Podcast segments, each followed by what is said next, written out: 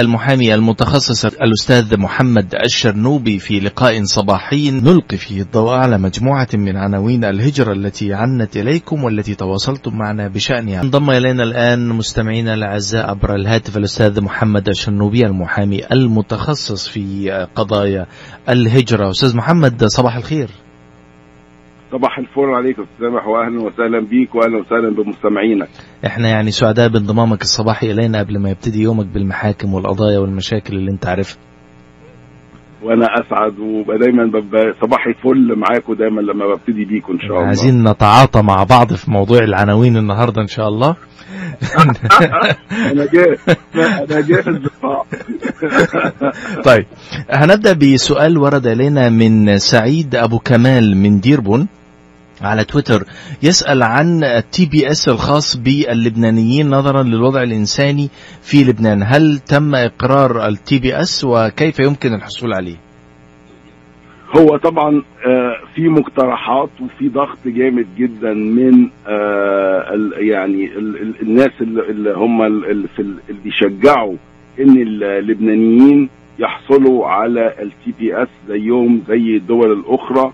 مش لازم يبقى في حرب أهلية مش لازم يبقى في حرب بأي وجه تاني ولكن لمجرد ظروف في البلد الإنسانية يحتم إن إحنا نديهم TPS اتصل بيا إذاعة من واشنطن بدون ذكر أسماء. برضو عاوزيننا نعمل معاهم لقاء عشان نزق ونشرح. هل لبنان تستحق ال TPS أو ما تستحقش ال TPS هايتي اللي هي دولة معرضة للزلازل ما فيهاش حرب أهلية ولكن فيها ظروف معيشة صعبة جدا. عندها TPS ويمتد من يوم آخر زلزال حصل عندهم ليه لبنان ما تبقاش واحدة من الدول دهيت؟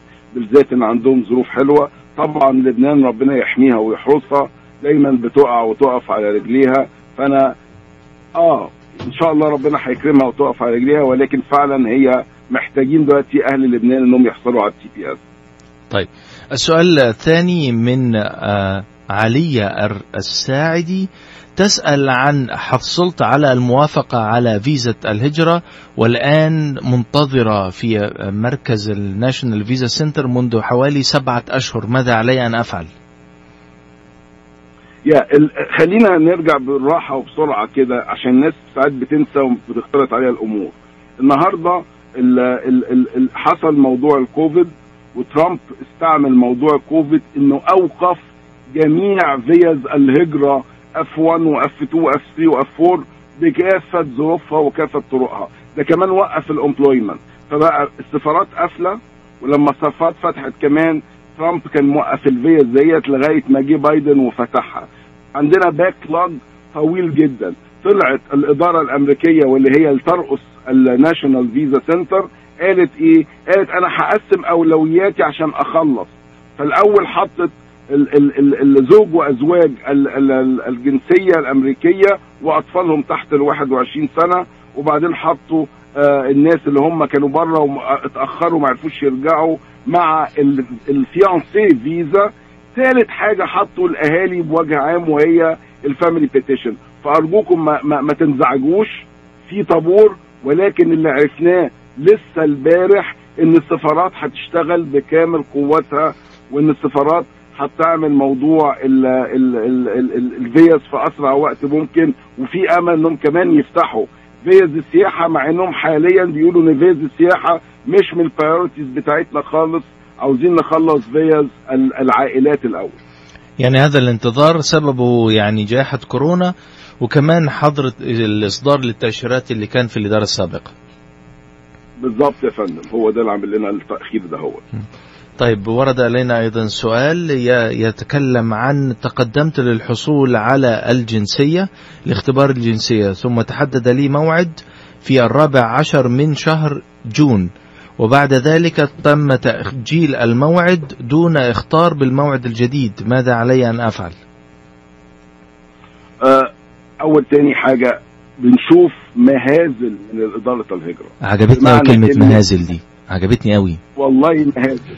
يعني عندي موكل في في هيوستن يجي له ال interview بتاعه في ديترويت.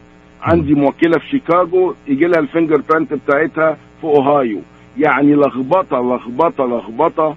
لا يتخيلها مخلوق وده ناتج عن ال ال ال الكميات الرهيبة جدا آه ال- ال- ال- ال- اللي هم overloaded مع نقص الموظفين. ما تنساش إن النهارده الرئيس بايدن طلع وقال لك اللي مش هيعمل vaccination ما نعرفوش ما يشتغلش معانا أو لازم يعمل test كل أسبوع. أنا شخصيا أعرف officers في ولايات كتيرة كانوا رافضين موضوع ال vaccine ده هيقلل الناس هتاخد أجازات الناس هتقف فده هيقلل. فاللي بيحصل كالآتي ال- ال- بيعملوا غلطات بيبعتوا ال- ال- ال- ال- المقابلة بتاعه ال interviews ويلاقوا إن هم عندهم 100 مقابلة في اليوم وعندهم ثلاثة officers فطبعا استحالة تحصل. فبتلاقيهم لاغيينها.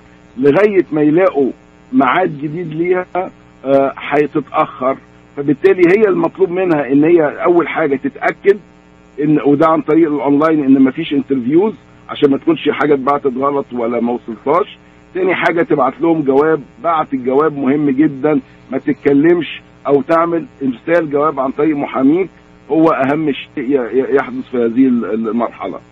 طيب آه، في سؤال آه، يعني سيأخذ بعض الوقت آه، عايز ألخصه لك بالإيميل ورد إلينا من مستمعة بتقول إن حصلت على آه، تقدمت للحصول على طلب للهجرة عن طريق زوجي توفي زوجي في العام 2014 آه، لا يمكنني معرفة إذا كنت ما حصلت على الطلب بالموافقة أم لا؟ وهل يتأثر الموضوع بوفاة زوجي؟ رجاء الإفادة يعني واضح إنها هي حصل طبعاً. قدمت للحصول على تأشيرة هجرة عن طريق الزوج الزوج توفى من كام سنة وهي عايزة تطمن على موقفها من الهجرة. عامل إزاي؟ ده ده بقى الحاجات اللي بتزعلني جدا. يعني الزوج توفى في 2014 الله يرحمه. آه و... الله يرحمه طبعا. ولغاية النهارده هي ما عملتش حاجة. إحنا بقينا 2021 للأسف حتى لو المعاملة شغالة أو مش شغالة هي مش هيبقى ليها الحق إنها تيجي عن طريق زوجها إن القانون اداها سنتين من يوم الوفاة إنها تقدم هي وأولادها تحت ال 18 سنة تقدم معاملة لوحدها وتبقى هي ال self petition وتيجي عن طريقها أمريكا. حتى لو كانت حصلت على الموافقة؟ حتى لو كانت حصلت على الموافقة. ما هو الموافقة أصبحت باطلة إن البيتيشنر الأصيل. آه الطرف الأصيل في الموضوع توفى. آه. توفى. فبالتالي القانون إداها سنتين بعد الوفاة تقدر إنها تعمل ورق لنفسها من غير الأصيل في المعاملة وبالتالي هي فاتت وضيعت السنتين. أرجوك يا جماعة في طرق كتيرة للحصول على الورق في حالة الوفاة في حالة آه، الطلاق في حالة المشاكل العائلية.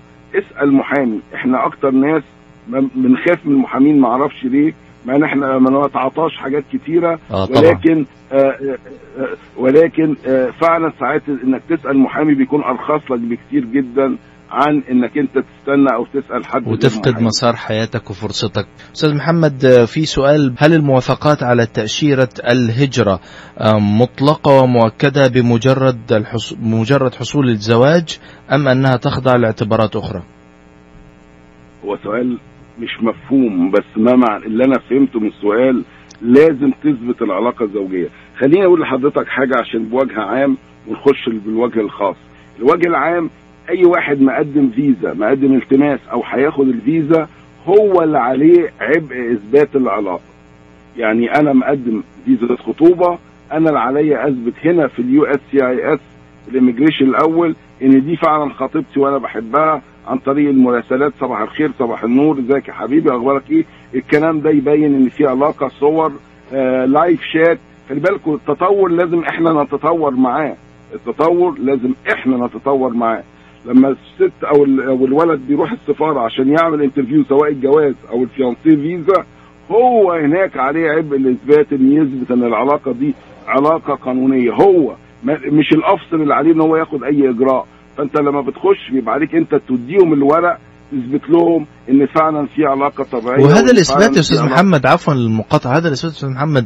يعني يشمل هذه آه، يعني طرق التواصل الاجتماعي الرسائل الصور كل ده يعني أدلة وقرائن يعتد بها؟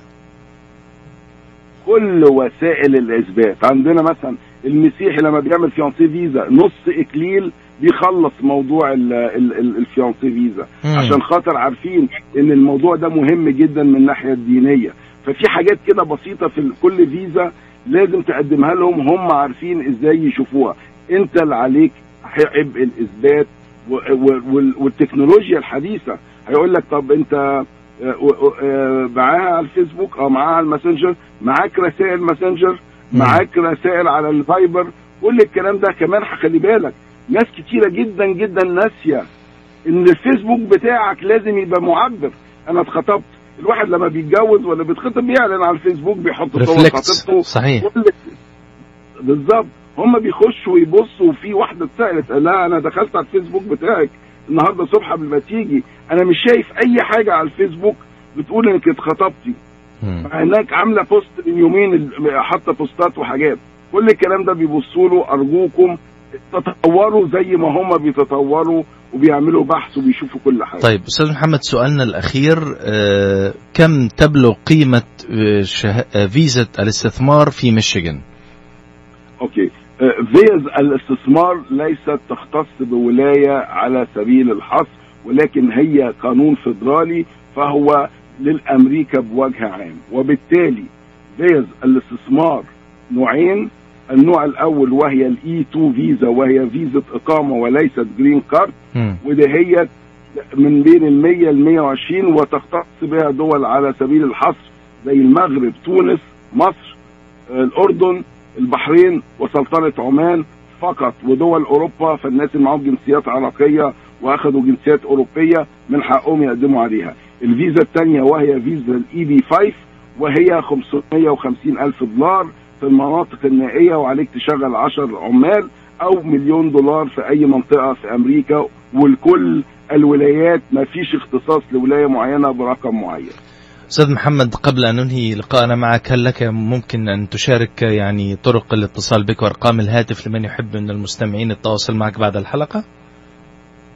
طبعا بتشرفني إنهم يتصلوا بينا آه، 248 252 8050 248 252 8050 ده رقم فايبر واتساب كل حاجة عليه ده cell phone والرقم الثاني هو رقم المكتب 313 581 9666 313 581 9666 بشكر حضرتك بشكر اذاعتك بتشرف دايما ان ابقى مع حضرتك أو مع الأستاذة ليلى معاكم دايما الصبحية على الهواء إن شاء الله. شكرا جزيلا أستاذ محمد الشرنوبي المحامي المتخصص في شؤون الهجرة وأحد الخبراء في تأشيرات الهجرة. كنت معنا ضيفا لهذا الصباح.